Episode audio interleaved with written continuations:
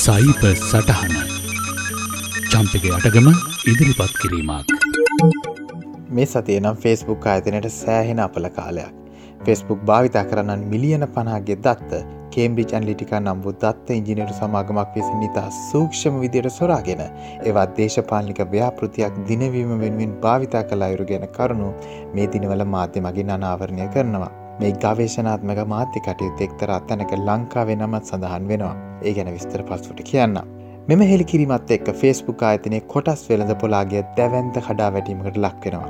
සතියක් ඇතුළ තවුන්ටු සමස්ත පාඩුව ඩොලර් බිලියන හතලිස් හතක්. දින පහක් මේ සම්බන්ධව නිහඬව සිටි ෆේස්බුක් ප්‍රධානී මාක් සකබර්ග් පසුගිය බදාදා පළුම්වට ප්‍රකාශයක් කරමින් දත්තා ආරක්ෂා කිරීම සම්බන්ධයෙන් ඔවුන් අතින් අඩුපාඩුවී ඇති බව පිළිගන්නවා. ඉදිරිදිේවා නිවැරදි කිරීමට කටයුතු කරන බවත් ඔවුහිදී සපත කරනවා. මේකම කේම්බ්‍රිච් ඇන්ලිටික ආයතනයේ ප්‍රධානයාගේ වැඩ තානමකට ලක්වෙනවා. ෆෙස්බුක් ආයතනය අදාළ සමගමත් එක්ක තියෙන සියලු සම්බන්තා තිටුවනවා. දේශපාලනික ලෝ උඩු යටිකරු කළ මෙම හෙළිකිරින් පිටු පස නිධාන කතාව කුමක්ද. චෝදනා සම්බන්ධ කරුණු හෙළිවුණු කාලවකවානුව දෙදස් දාසි ඇමරිකානු ජනාධිපතිවරණය මේ සියල්ල පටන් ගන්නේ ඇලෙක්සන්ඩ කෝගන් ඔහු කේම්බ්‍රිජ් විශ්වවිද්‍යාලය පර්යේෂකෙක් මනෝවිද්‍යා පිළිබඳ මහාචාරවරුවේ. ෆෙස්බුක් ආතින් නොහුට අවසර ලැබෙනවා පර්යේෂණ කටයුතු වෙනුවෙන් පර්සනල්ටික් විස් ඇප් එකක් කරහා දත්ත විශ්ලේෂණයක් කරන්න මේ ෆෙස්බුක් ඇප් එක නම this is your digital life. අනෙක් ෆෙස්බුක් ඇප් වගේම එය හා සම්බන්ධ වෙන්න එය භාවිතා කරන්නන් පෙළවීම හරහා ඔවුන්ගේ අනුමැතිය ඇතිව ඔවුන්ගේ පුද්ගලික තොරතුරු මේ ඇප් එක මගින් සටහන් කරගන්නවා. නමුත් මේ දත්ත පාවිච්චි කරන්න පුළුවන් ඒ සටහන් කරපු කටයුත්තට විතරයි. ඒ කෝමුණත්. කෝගන් මේ එකතු කරගත්ත අයගේ මිලියන පනාක දත්ත දේශපාලික ව්‍යාපෘති වෙනුවෙන් සමාජ්ජලා මේ වන දැවන්තෙක් වෙන කේම්බිච් ඇල්ලිටික ආයතනයට ලබා දෙනවා.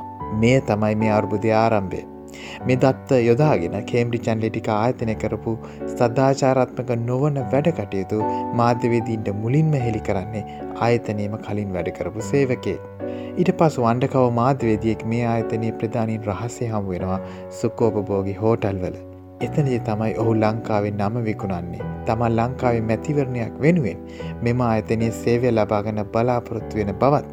එවෙන්ුවෙන් ෆෙස්බුක් කරා ඔවුන්ට කරන්න පුළුවන් මොනවදයි ප්‍රශ්න කරනවා. මේ හොඳ ව්‍යාපාරික අවස්ථාවක් ලෙස රැවටෙන ඔවුන්.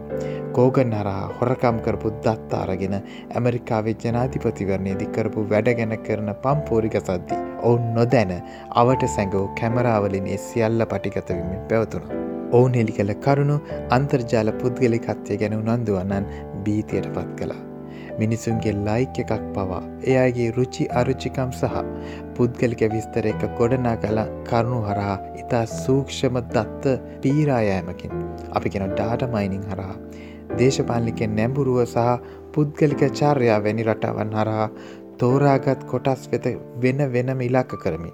එට කැනෙ මැක්‍රෝටාගටින් දැවන්ත චන්ද ව්‍යාපාරයක් කළ ආකාරය හෙළි දර වුණා. මෙහි ඔවුන් සඳහන් කරේ මිනිසුන් ෆේස්බුක් කරා බොරුව වනත් නිතර ලොකුවට දකින්න ගත්තොත් ඔවුන්නේ විශ්වාස කරන්නට යොමු වෙන වගයි. කරුණුවලට වඩා හැඟීමට එකැන ඉමෝෂන් ඉන්ස්ටඩ ෆක්ස් වැඩි දෙනෙක් අල්ලාගන්න පුළුවන් බව සහ එයා ඊට සරලන් ලෙස සකස් කළ පෝස්ටුවලට නිතරම නිරාවන්න කිරීම මගින් ඔවුන්ගේ මතටිතා ප්‍රබල බලපෑමක් කළ හැකි බවත් කියවුණා. ෆෙස්බුක් සමාගම බිත්තියටම සිරවුණේ මාධ්‍ය විසින් මේ කරුණු සියල්ල හෙළි කරන්නට පටන්ගත් විටයි.